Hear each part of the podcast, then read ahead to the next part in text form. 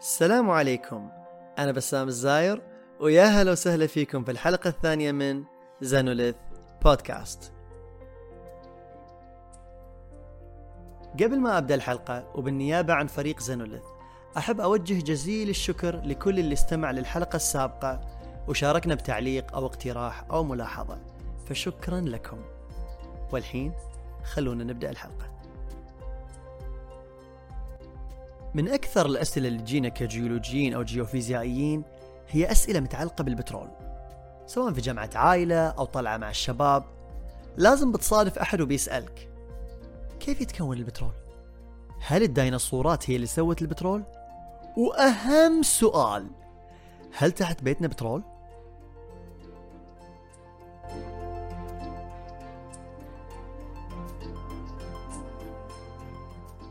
خلونا ناخذ الموضوع حبة حبة. أول شيء كيف يتكون البترول؟ عشان يتكون البترول في أربع مكونات أساسية. حوض ترسيبي مثل البحار والمحيطات مواد عضوية اللي هي العوالق والكائنات البحرية الدقيقة رواسب اللي هي الصخور الرسوبية وآخر شيء الحرارة والضغط. في البداية تموت المواد العضوية مثل العوالق والكائنات الدقيقة وتصير مثل الغطاء اللي يغطي قاع البحر أو الحوض الترسيبي. بعدين تدفن المواد العضوية بالرسوبيات اللي هي فتات الصخور ومن ثم تتحلل وتضمحل المواد العضوية. بعدين تنتج الحرارة والضغط بسبب زيادة دفن الرواسب اللي هي الطبقات من الصخور الرسوبية.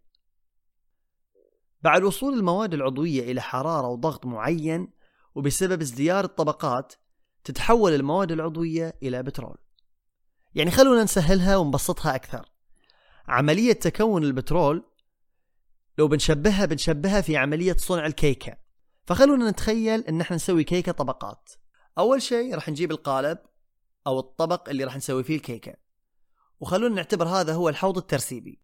بعدين نحط طبقة من الكيك خلونا نقول فانيلا هشة مثل الإسفنج اللي راح نعتبرها الرسوبيات أو فتات الصخور. بعدين نبتدي نحط ال chocolate chips أو قطع الكاكاو. اللي راح تكون جامدة وهذه القطع راح تكون هي المواد العضوية. وبعدها راح نحط طبقات كبيرة وكثيرة من كيك الفانيلا. خلونا نقول بارتفاع طابق أو ثلاثة إلى أربعة متر تقريبا يعني. هذه راح نعتبرها طبقات القشرة الأرضية. يعني كذا وضعنا ضغط على المواد العضوية. وبعدها نعرض الكيكة إلى حرارة. الحين وش بيصير لقطع الشوكلت؟ راح تذوب وتتغير من القطع الجامدة إلى سائلة. وهذا بالضبط اللي يصير للمواد العضوية لما تتحول إلى بترول.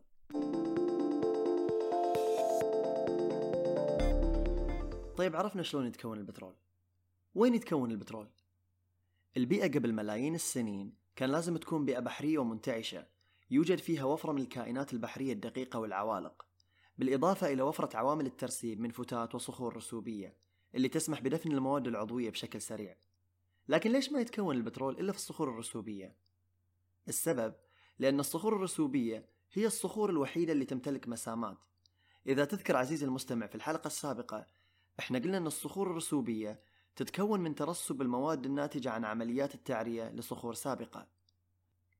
يعني تخيل عندك جرة فخار وهذه الجرة طاحت وانكسرت. وبما أنه هذه الجرة عزيزة على قلبك قررت تجيب غرة وتجمع هذه القطع وتلصقها ببعض. لكن مهما حاولت إنك تجمع كل القطع راح يكون في أجزاء وفراغات ما بتقدر تمليها.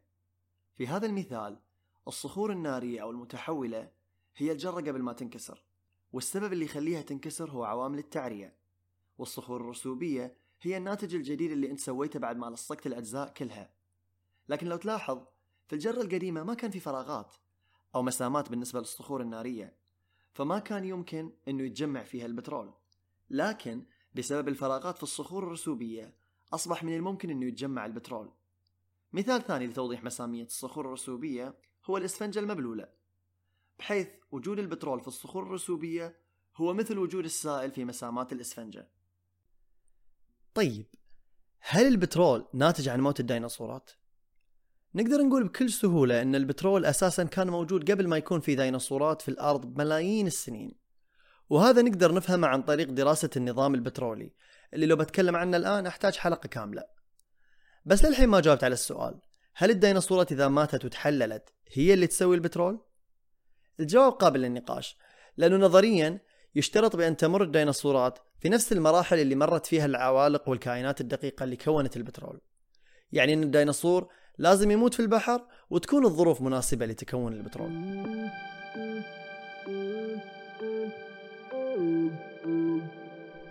ونجي الحين لسؤال الحلقة.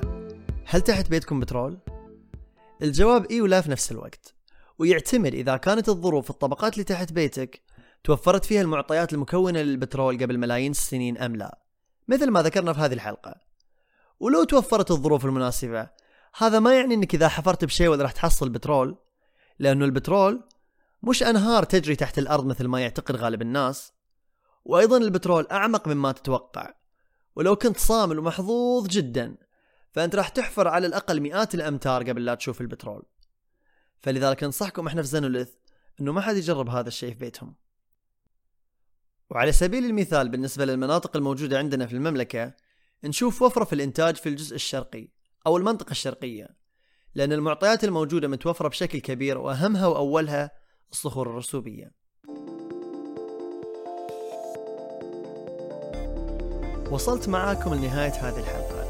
أتمنى تكون أعجبتكم واستفدتم منها. هذه الحلقة من إعداد تركي محمد وحسن السادة. وتقديمي أنا بسام الزاير. ولتعليقاتكم واقتراحاتكم تواصلوا معنا على حسابنا في تويتر podcast. ونشوفكم على خير.